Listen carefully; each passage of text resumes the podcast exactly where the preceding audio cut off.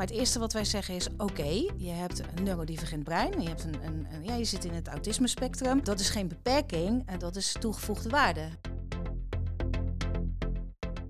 Welkom bij de tweede aflevering van Podium, de stakeholder podcast van UWV. Hier op dit virtuele podium duikt journalist Martijn de Greven dieper in belangrijke UWV-thema's, zoals de uitdagingen van krapte op de arbeidsmarkt en het streven naar een meer persoonlijke dienstverlening. Dit keer zijn we op bezoek in Amersfoort bij ITVT, gehuisvest in een voormalig klooster. Deze sociale onderneming leidt met veel succes jongeren op met hoogfunctionerend autisme of hoogbegaafdheid voor een baan in de ICT. Zo'n 85% van de studenten stroomt duurzaam uit naar een baan. Een intrigerende bijnaam luidt dan ook de Academie van Zelfvertrouwen. Aan tafel zit ITVT-directeur Saskia Meeuwissen. Zij legt het geheim uit achter het succes. Eveneens aangeschoven is UWV-arbeidsdeskundige Mirjam van den Berg. Zij werkt dagelijks op deze locatie om alle studenten met een UWV-uitkering intensief te ondersteunen gedurende hun opleiding en detachering. Wij zitten op dit moment in een klooster te Amersfoort. IT-VT, wat niet iedereen meteen wat zal zeggen, maar daar gaan we het komende half uur heel veel verandering in aanbrengen. Dat doen we met twee gasten. Saskia Meeuwse, sinds 2,5 jaar directeur hier, een ICT-achtergrond. En naast haar zit de arbeidsdeskundige namens het UWV, dat is eh, Mirjam van den Berg. Welkom alle twee. Het is een beetje gek om tegen de directeur te zeggen welkom op uw eigen locatie. Eigenlijk, maar dat is wel de situatie. Want eh, ja, we hebben hier een rondleiding net gekregen. Dit, is, het, dit hele gebouw, dit ademt nog het klooster zoals het ooit was. Maar dat is het niet. Nee, zeker niet. Neem ons mee. Nee. Ja, neem ons mee. Uh, ja, dit is een, een prachtige plek natuurlijk om te zijn. Maar voor ons ook wel een plek die belangrijk is voor datgene wat wij doen. Want het klooster is natuurlijk heel rustig. In een rustige omgeving, weinig prikkels. Ja. En dat is natuurlijk perfect voor het werk wat wij doen en voor de studenten die wij, uh, die wij hier hebben. Ik merk dat ze zelf ook. Ik heb zelf ben wat ADHD'er. En als je hier rondloopt, het gebouw ademt rust. De, de mensen, hoe ze bewegen, hoe ze communiceren, alles is rust. Het wordt prikkelarm voor je leven. Ja. En dan zijn we vrij snel bij de doelgroep. Want Zeker. wie zijn de mensen die hier opgeleid worden? De mensen die hier opgeleid worden zijn uh, jongeren met een uh, zogenaamd uh, neurodivergent profiel. En dat zal niet bij iedereen meteen een belletje doen rinkelen. Nee. Neurodivergente profielen zijn mensen met bijvoorbeeld autisme, eh, ADHD, hoogbegaafdheid, hoogsensitiviteit. Jongeren eh, die uitgevallen zijn in het reguliere onderwijs, juist omdat ze een neurodivergent profiel hebben, die uh, komen naar hier, uh, naar het klooster bij ITVT. En die leiden wij op tot IT-specialist. Maart volgend jaar bestaan jullie tien jaar. Ja. En in die tien jaar is ergens het bijzondere gebeurd. Is dat jullie al intensief samenwerken met het UWV. Maar de dame die naast u zit, ziet u niet nu één keer in de week. Die ziet u eigenlijk dagelijks, want die zit hier in Pandig. Jazeker. Kunt u eens even uitleggen waarom die collega naast u hier in Pandig zit? Want het is helemaal niet uw collega. Nee, het is zeker niet mijn collega, maar zo voelt het wel een beetje ondertussen. Uh, ja, waarom is dat? Ja, wij zijn natuurlijk bijna tien jaar geleden begonnen als een uh, toch een pioniersorganisatie. Want ik zei net, wij leiden op, maar wij leiden niet alleen op, maar wij bemiddelen mensen ook naar een reguliere baan. Dat is de primaire doelstelling van ITVT. Dus echt, de vlag gaat hier uit als mensen, dan hebben we ons doel bereikt als mensen een baan gevonden hebben. En daar zit ook de relatie met het, uh, met het UWV. Een uh, gedeelte van onze studenten heeft een UWV-relatie. En uh, daar is eigenlijk de samenwerking uit, uit voortgekomen. En dat is af en toe best ingewikkeld. Ik zeg altijd, uh, UWV is een prachtige organisatie, maar het is ook een hele ingewikkelde organisatie. Zeker voor onze doelgroep. Ja. He, die kunnen best af en toe wel wat stress krijgen van de enveloppen waar het UWV-logo op staat. En het klinkt heel gek, maar ik denk dat arbeidsdeskundigen dat zeker, die, die, die dit horen, dat zeker zullen herkennen. Ja. En uh, ja, zo is het eigenlijk ontstaan. Uh, Mirjam ja, kent het UWV heel goed, kent ook alle processen, procedures, wetgeving. En die kan als geen ander uh, studenten op weg helpen om eigenlijk zorgenvrij te kunnen studeren. Dus alle UWV-procedures, alle vragen die ze hebben, die beantwoordt zij ook gewoon netjes, zodat onze studenten zich echt vol kunnen focussen op hun ja. toekomst. Hè, op het vinden van die baan. Want even voordat ik naar Mirjam van den Berg toe ga, even, dat mm -hmm. we even ook qua omvang hebben. Hoeveel jongeren worden hier opgeleid? Tussen de 60 en de 70 per jaar. Per jaar. Ja. En zo'n opleiding kost ongeveer 30.000 euro, heb ik me laten vertellen. Ja. Die wordt in veel gevallen voor een deel door de gemeente, kan die gefinancierd worden? Een deel? Een deel. Ja. En wat zijn de andere financieringstromen hier? Eh, Sommige kandidaten van het UWV, eh, dus ik moet met nadruk zeggen, niet iedereen eh, van het UWV, maar een aantal mensen die een UWV-relatie hebben, die krijgen een deel vergoed door het UWV. Sommige kandidaten betalen het zelf. En we hebben ook een studiefonds voor mensen die het niet zelf kunnen betalen. En dan kunnen ze rentevrij een studielening krijgen. En jullie hebben, die zijn ook nog even, dat is ook belangrijk wel op te merken. Je hebt ook natuurlijk als uitzendwerk dat jullie natuurlijk soms ook studenten uitzenden. Detacheren moet ik misschien beter zeggen. Ja, het is, eh, ja, ja, klopt. Ja. Ja, nou ja, dat is een noodzaak. Want nou, jij noemt net het bedrag van 30.000 euro. Maar dat wordt natuurlijk niet vergoed door Nee. niemand, helemaal. Er wordt maar een klein stukje vergoed. En dat andere stukje moeten wij zelf investeren als ITVT zijnde. Want je moet je voorstellen, onze kandidaten zijn uitgevallen in het onderwijs. Die hebben geen baan. Die hebben meestal niet gewerkt, zijn, zitten al jaren vaak thuis zonder toekomst. En ja, die hebben niet eventjes een bedrag Ja. tafel, eh, kunnen ze op tafel leggen voor een, eh, voor een opleiding. Dus daarom leiden wij mensen op. De meeste opleidingen duren negen maanden. En na negen, wij doen de investering voor de kandidaten. Mooi. En na negen maanden ja, zoeken we een baan voor ze. Een sociale onderneming, geen winstoogmerk, Nee, nee, maar het nee. zichzelf wel bedruipend voor een deel. Nou ja, omdat we mensen uitzenden in, eh, in de eerste periode, kunnen wij die, eh, die opleidingen zelf financieren. Nou, dan zijn we, we hebben het eigenlijk al in 10 minuten hebben we het een paar keer over gehad, maar nu gaan we echt naar meer van de berg toe. Dan ga je op een dag werken bij het UWV Ja. en, dan, en, en, en een tijdje later zit je in een klooster in Amersfoort. Ja, zo ging het ongeveer. Ja. Ja. Wat leg eens uit, wat, wat- jij hebt hier dus een kantoor in het, in het klooster. Nou, wij hebben een van de flexplekken. Ja. Collega Esther Scheltinga en ik.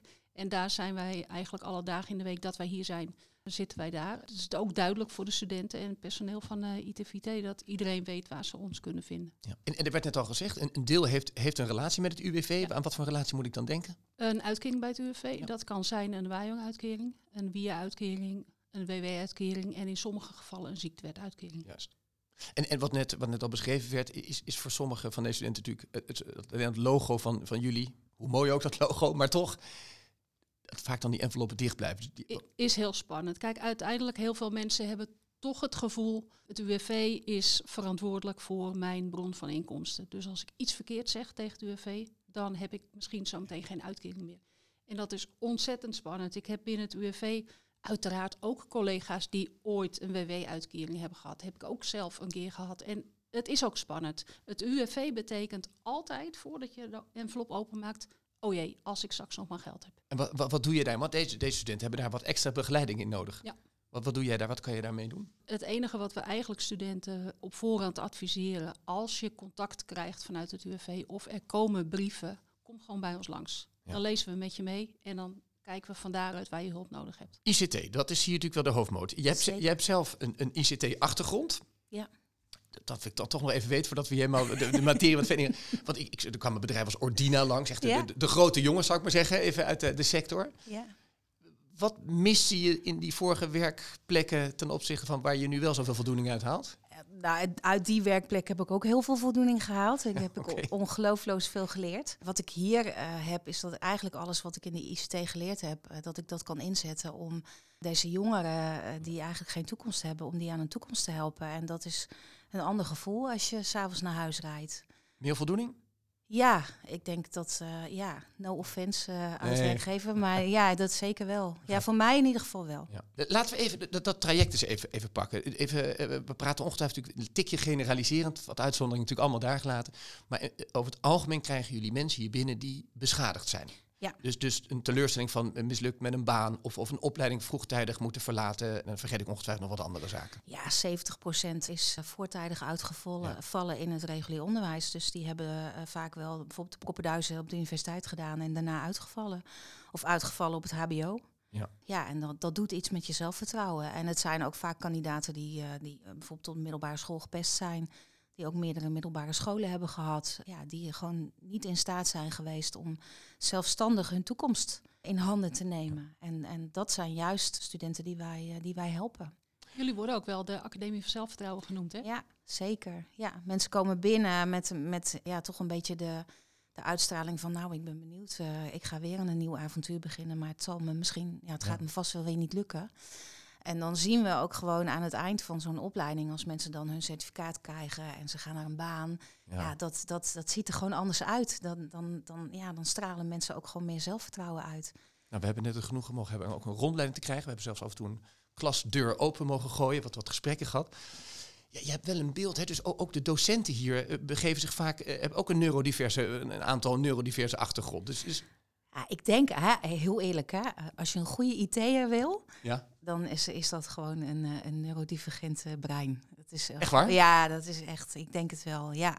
En dat komt in vele gradaties voor, hè, maar het is, IT is best een ingewikkeld vak.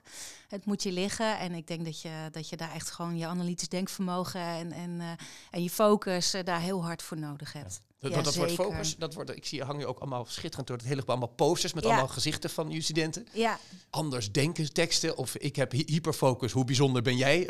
maar, dat soort teksten. ja, Dus eigenlijk wordt, in die, eigenlijk wordt, wordt eigenlijk van wat vaak nadelig wordt gezien, wordt hier juist gefocust op de kracht. Dat is het eerste wat wij doen. Dus mensen komen hier binnen en die hebben vaak hun leven lang gehoord dat ze een handicap hebben. Ja. Of een beperking. eh, Of een, een afstand tot de arbeidsmarkt. Dat is ook zo'n term waar wij af en toe een beetje jeuk van krijgen.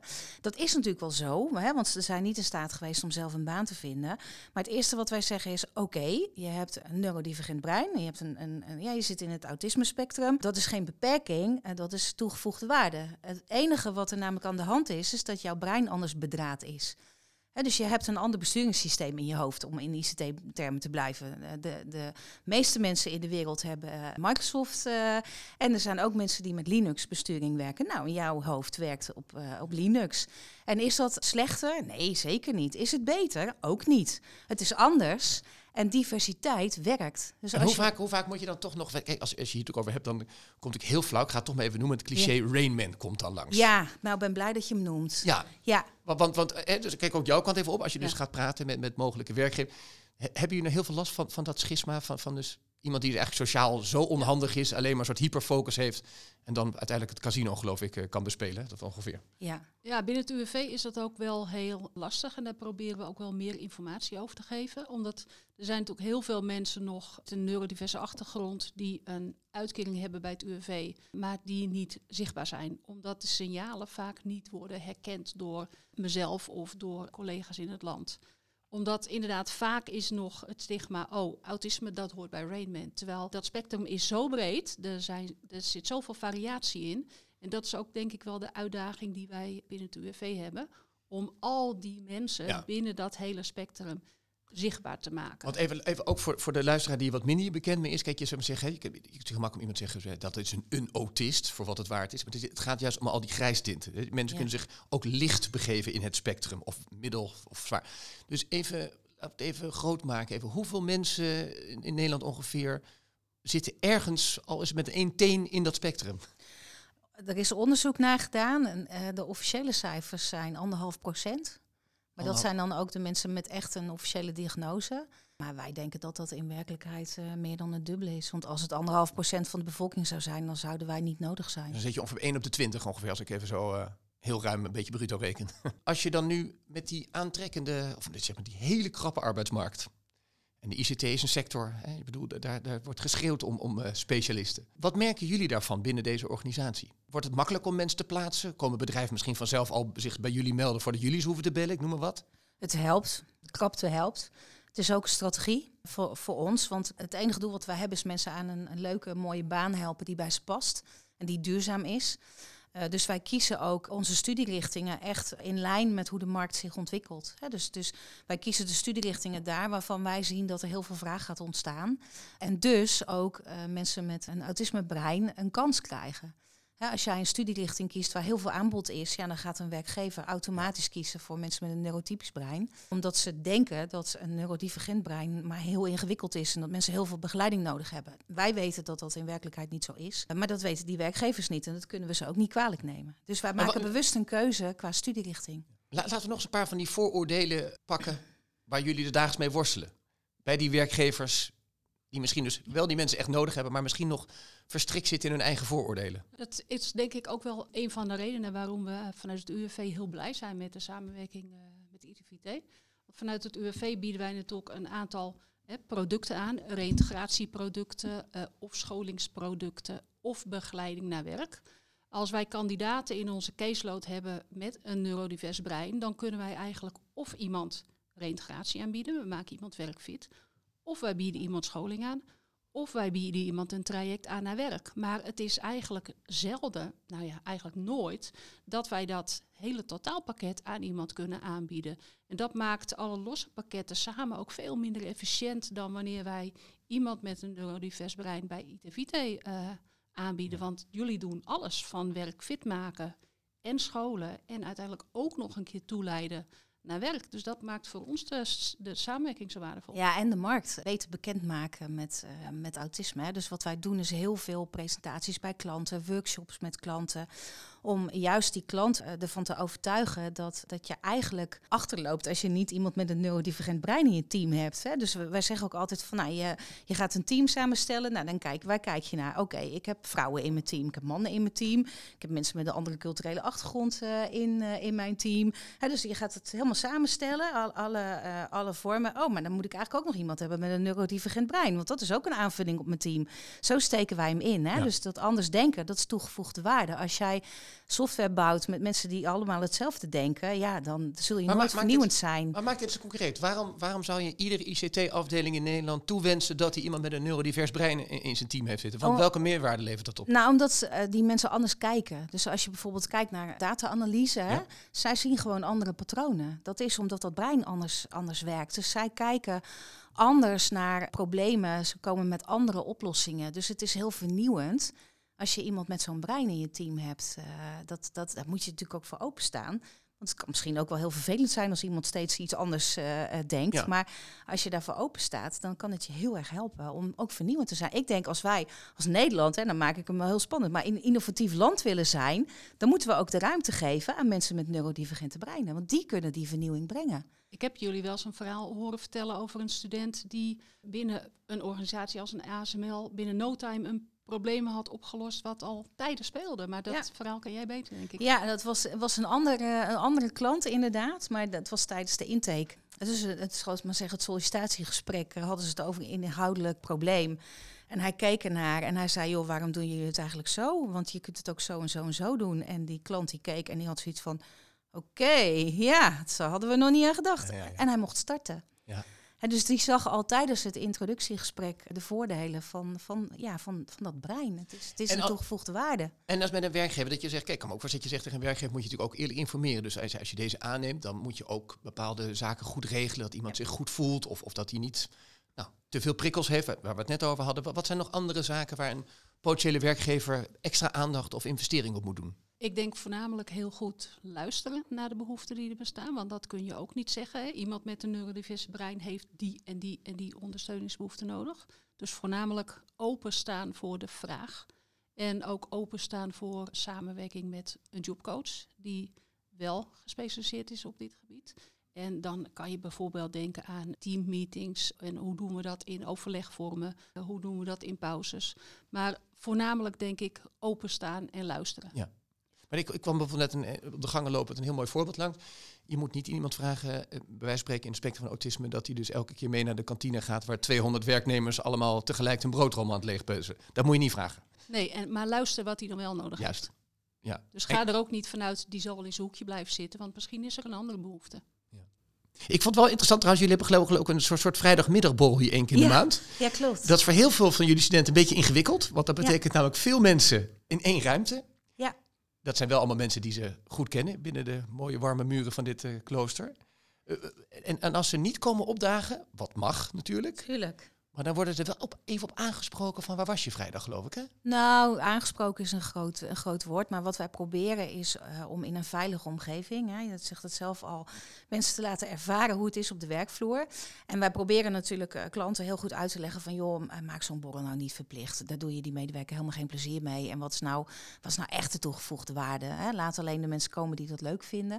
Maar soms heb je toch een, een event waar je er niet onderuit kan. Hè? Eh, een training of een, een, een, een seminar of wat dan ook. En ja, dan, dan bevind je je wel in zo'n menigte. Dus wij proberen eh, onze studenten een soort van veilig te laten oefenen. Van nou, hoe werkt dat nou? En wij passen dat echt aan. Hè? Ik bedoel, we hebben hier gewoon eh, Mario Kart eh, wedstrijden op, op de grote schermen. Dan neemt iemand zijn Switch mee. Of we, we doen eh 30 seconds spel of een ander spel. Waar je, mm, hè, dus, dus we doen wel, we zorgen wel dat ze niet alleen maar aan het praten zijn. Want dat is natuurlijk heel ingewikkeld. Vind ik zelf ook heel ingewikkeld. Overigens. Nou, het Dus gaat je ben- aardig af. Het gaat je ik- aardig af. Toe. ja, maar die borrels ben ik zelf ook heel blij mee. Dat is gewoon heel gezellig. Mooi. Ja. Ik, ik vond ook net, net leuk, we mochten dus eh, ons hoofd even om eh, de hoek bij zo'n klaslokaal. En, en ik vroeg een beetje natuurlijk aan, aan die studenten, ja, goh, eh, hoe was het bij de vorige opleiding, hoe is het nu en zo. Maar eh, de vertaling is ook heel erg van dat ze de, de- jullie hier eigenlijk als veel professioneler zien. Dus bij die vorige opleidingen waar het dus misgegaan is, ze vonden dat de medestudenten te weinig focus hadden, vond ik ook heel interessant. Ze wisten te weinig waarom ze die opleiding deden en wat ze ermee van plan waren. En ze hadden eh, klachten over de veel te grote klassen. Te weinig, ze noemden zelfs de vorige docenten waar de, de opleiding niet goed ging, noemden ze vaak amateurs. Er was, eh, ze letten niet genoeg op. Dus je merkt daar heel erg dus die, die, die kleinere klassen, meer aandacht, gelijkgestemde. Ik zat het allemaal te beluisteren. Ik vond het zeer inspirerend, mooi. Maar toen dacht ik wel met mezelf, ja, wat een stap wel. Dus achter deze begripvolle muren, in deze prikkelarme, bosrijke omgeving, uiteindelijk toch die groot, ik wil niet zeggen boze buitenwereld, maar Mhm. het contrast wel heel groot, lijkt mij. Valt mee, omdat mensen zich natuurlijk ontwikkelen. Hè? Dus, dus als je kijkt naar een student die dag één hier binnenkomt, dan is het contrast heel groot. Maar ze, een opleiding duurt negen maanden. En in die negen maanden ontwikkelen ze zich niet alleen op inhoud, maar ook als mens. En ze krijgen zelfvertrouwen in een veilige omgeving, eh, leren ze werknemersvaardigheden. Eh, dus ze worden ook wel klaargestoomd om eh, die werkomgeving in te gaan. En, en ook daar worden ze niet te diepe ingeduwd. Hè? Dus we begeleiden dat helemaal. We zorgen dat die werkplek klopt. Hè? Dus dat ze hebben wat ze nodig En hebben. dat die dat- jobcoaches, die job- als die geplaatst is, al mee blijft bewegen en Zeker. kijken. En ja, ja, ja. Zeker, sterker nog, die doet ook het startgesprek bij zo'n klant om te kijken van joh, waar kom je terecht? Wat heb je nodig? Kijk, het zit hem niet op de cognitieve uitdagingen. Hè? Het zit hem echt in, eh, ja, wat, wat, eh, wat Mirjam net ook al zei. Hè? Pauzes, dat kan heel ingewikkeld zijn voor iemand met een, een autistisch brein. want je hebt al de hele ochtend heel hard gewerkt, allemaal moeilijke dingen opgelost. Ja, dan, moet je, dan ben je, heb je al heel veel prikkels en dan moet je ook nog die kantine in. Dat, je wil eigenlijk liever met je koptelefoontje even ontprikkelen, zodat je smiddags ook door kan. Dat is dan- denk ik ook heel mooi wat, wat jullie jobcoaches doen. En wat coaching voor mensen met autisme anders maakt dan coaching voor mensen zonder autisme. Over het algemeen, hè, dat bieden wij ook vanuit het UWV aan, coachingsregime die gaan van laag naar hoog. Je kunt je voorstellen als je op een werkplek begint, dan heb je wat meer coaching nodig dan wanneer je dezelfde taak al heel lang doet. Dat is anders voor mensen met een neurodivers brein. Want daar is de coaching niet taakinhoudelijk gericht, maar veel meer op de randvoorwaarden. En wat jij al heel mooi zei, Saskia, wij kunnen neurodiversiteit niet wegcoachen. Dat blijft. En ook- een- daarin is het, Toch ik- jullie rapportcijfers zijn wel echt mooi. Ik bedoel, de- 85 tot 90 procent van de jongeren die hier een opleiding volgt, krijgen jullie duurzaam, zeg ik maar even erbij Ja. geplaatst. Ja. Ik wil toch even, dan toch even op dat ding, wa- waar, die 10 à 15 procent, wat, wat, waar zit de lastigheid daar? Ja, dat kan van alles zijn. Bijvoorbeeld de beschadiging van iemand. Ja, maar ook een life-changing event. Hè? Wat een van de consequenties die ook eh, meewerken als mensen meer zelfvertrouwen krijgen, is dat ze hun leven ook meer in eigen hand gaan nemen. En dan krijgen ze ook opeens een relatie, gaan ze samenwonen. Ja. eh, hè, dan gaan ze, eh, ze hebben een, een deel van hun leven stilgestaan voor hun gevoel. Hier gaan ze weer op gang, hebben ze toekomst en dan in sneltreinvaart wordt alles ingehaald. En als jij en een relatie eh, en gaat samenwonen en een nieuwe baan en alles bij elkaar, ja, dat werkt niet altijd. Dus dan, eh, dat kan een reden zijn, dat kan van alles zijn. En soms, eh, helaas, ja, moeten wij ook mensen loslaten omdat ze toch te kwetsbaar blijken en, en het niet redden. En dan doen we er alles aan om uiteindelijk nog een plekje te vinden, maar dat, ja, dat lukt niet altijd. Wat, wat merken jullie dus eh, aan die eh krap, dus een belangrijk thema, zeker voor het. UWV. Wat, wat merken jullie in je contacten, in je plaatsing, in je opstelling van werkgevers even, dus die, die steeds krapper worden, worden de arbeidsmarkt. Dus letterlijk de vraag is structureel groter dan het aanbod. Wat, wat komt bij jou even uit? Wat, wat, merken jullie daarvan? Nou, ik zit zelf niet heel erg aan de werkgeverskant en het plaatsen van kandidaten. Dus daar kan ik niet heel veel over zeggen. Maar wat ik wel weet is dat het heel lastig is om kandidaten te plaatsen, kwetsbare kandidaten die of alleen werkfit zijn of een opleiding hebben. Dus niet, niet het hele pakket. En daarin zien we binnen het UWV natuurlijk ook een hele, heel groot gat ontstaan op de arbeidsmarkt. Waarvan wij zeggen, ja, wij hebben wel kandidaten, maar ze zijn of niet werkfit en hebben wel de juiste opleiding, of andersom. Ja. Maar je zou, ik, misschien is het wishful thinking wat ik nou zeg, maar als die, die vraag maar blijft duwen, dan moet volgens mij ook op een gegeven moment dat gat een keer beslecht gaan worden, toch?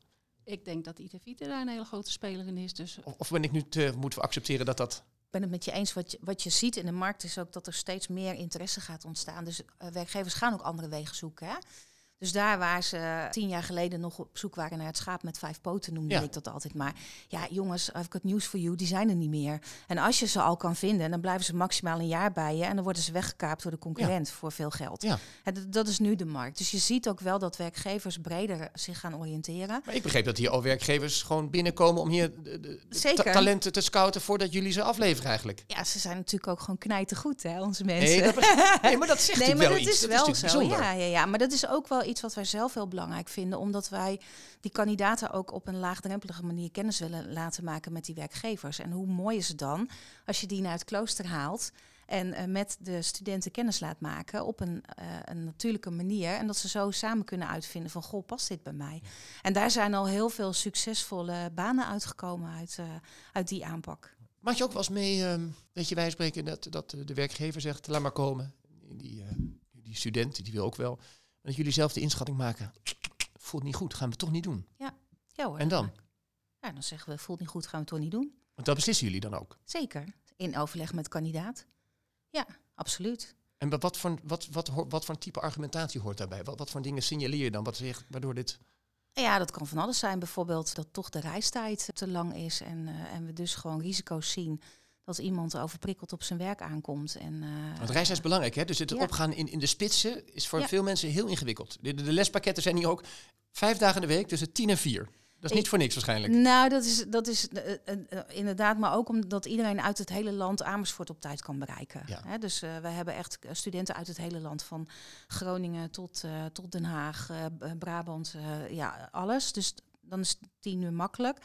Eh, maar voor sommige, nou eigenlijk vooral voor heel veel studenten geldt dat die prikkels in het openbaar vervoer, al dat lawaai, die drukte, ja, daar moet je even van bijkomen. En de een kan dat beter dan de ander. En als jij al helemaal overprikkeld op je werk aankomt, hoe leuk die baan ook is, dan weten wij uit ervaring, dat ga je gewoon niet redden. Dat hou je een halfjaartje vol als je geluk hebt en daarna niet meer. Dus daar kijken we ook heel erg naar. En daar zijn we ook heel eerlijk in. We zitten in zo'n spannende fase qua werkgelegenheid en banen en weet ik dan wat. Als jullie allebei een beetje de- gewoon de nabije toekomst inkijken. Wat zijn nu nog de, de, de, de struikelblokken of, of de uitdagingen waarvan je zegt, nou, als we dat weghalen of veranderen, dan kunnen we nog meer tempo maken of succesvol mensen plaatsen, duurzaam. Waar loop je nog eigenlijk tegenaan eigenlijk in? de- In de markt. nou, bijvoorbeeld, of, of qua regel en wetgeving, of, of qua samenwerken, het maakt me niet uit. Bij mij zit denk Ja, ik een heel stuk in informatievoorziening. Bij eh, mijn eigen collega's in het land. Die vraag krijg ik ook wel eens terug. Joh, hè, wat doet ITVT nou eigenlijk? En wij weten niet zoveel van hoogbegaafdheid. Wij weten niet zoveel van autisme. Wat kunnen wij deze kandidaten bieden? Dus er is een heel groot gebrek aan kennis. Ja. En ik denk dat het ook aan werkgeverszijde eh, dat het een heel veel gebrek aan kennis is. Dat werkgevers het toch allemaal spannend vinden. Want mensen koppelen vaak autisme of hoogbegaafdheid aan de term afstand tot de arbeidsmarkt. En dan wordt die heel spannend voor werkgevers. Ja. Want dan denken werkgevers, oh maar die eh, kandidaat die kan niet zoveel of die heeft ergens moeite mee of die heeft een beperking. Eh, terwijl zeker met, met jullie kandidaten, dat is helemaal niet zo. Dat zijn net de goede jongens en meiden. Dus ja, wat mij betreft, die eh, term afstand tot de arbeidsmarkt meteen gisteren afschaffen. Mensen met een rugzakje, mensen met een vlekje. Afschaffen. Allemaal, allemaal eraf. afschaffen. Oké. Ja, ja, zeker weten. Zeker weten. Ja, klopt. Ja, en ik denk voor aanvullend eh, daarop, jij, jij, jij noemde de doelgroep al. Kijk, als jij in de IT en recruiter bent, dan eh, ga jij een aantal platformen af en dan vind je allemaal briljante cv's en dan ga je mensen benaderen en dan kun je werk doen. Onze doelgroep is onzichtbaar. Die zitten thuis, eh, vaak nog bij hun ouders, zijn eh, nu pizzacourier of postbode, maar hebben wel een IQ van 140. Die is voor ons zijn die heel moeilijk te bereiken, terwijl wij natuurlijk wel de sleutel hebben eh, naar een baan op niveau voor die mensen. Ja. Maar dat is, dat is de grootste uitdaging. Dus ik denk als wij beter de doelgroep zouden kunnen bereiken, dan kunnen we nog veel meer mensen helpen. Toch vind ik dat wel apart. Je zou het ook zeggen, als je zelf een kind heeft, en dan ga je natuurlijk als een dolle oriënteren van waar, waar kan hij het best ge- geholpen worden. En dan kom je volgens mij snel bij jullie uit als je... Ja, als je, en als je, ik denk als je zelf een kind hebt en je bent zelf IT'er of je hebt affiniteit met de IT-markt, dat het dan wat makkelijker is. Eh, maar ik denk als je dat niet hebt, ja, dat je misschien toch niet zo goed weet ja, hoe dat werkt. Dus, dus ja, het is, het is echt heel lastig. Onze, onze doelgroep is echt onzichtbaar voor ons. Dus Jullie wij, bestaan, eh, ik heb het eerder gezegd, je hebt echt een reden voor een feestje. Want dat- gaat hier hartstikke goed en die samenwerking goed. bestaat tien jaar in maart volgend jaar. Ik ben 2,5 jaar directeur, dus ik, ik zit dus bruisend vol met ambities en doelstellingen. dat, dat kan niet anders. Nee, maar even gewoon eens, de- de- kijk eens even door de wimpers heen en zeggen, we- ik wil over vijf jaar, wil je, wil je wat eigenlijk met hier? Waar staan we? Lekker. Ja, het- eerlijke antwoord, hè? Maar dat is, dan heb ik het echt over de missie, hè? Het Eigenlijk. altijd lekker. Een minuut voor het einde van de Ja, podcast krijgen we Mooi, nog een eerlijk antwoord. Eerlijk nou. Nou, kom op. Nee, maar eigenlijk wil je natuurlijk gewoon dat je niet meer nodig bent. Jezelf overbodig maken. Ja. Dat is de ambitie. Ja, want dan zou het betekenen dat het onderwijs passend is voor mensen met een neu- neurodivergent brein. Dat ze wel hun diploma halen. En dat werkgevers openstaan voor die mensen en gewoon actief mensen werven. Dus als ik, als ik naar de toekomst kijk, dan eigenlijk diep in mijn hart zou ik willen dat we niet hoefden te bestaan. Want dan doen we met z'n allen in iets Nederland goed iets heel goed. Ja. Dank voor het luisteren naar de tweede aflevering van Podium, de stakeholder podcast van UWV. Abonneren kan vanzelfsprekend via alle bekende podcastplatforms. Tot volgende keer!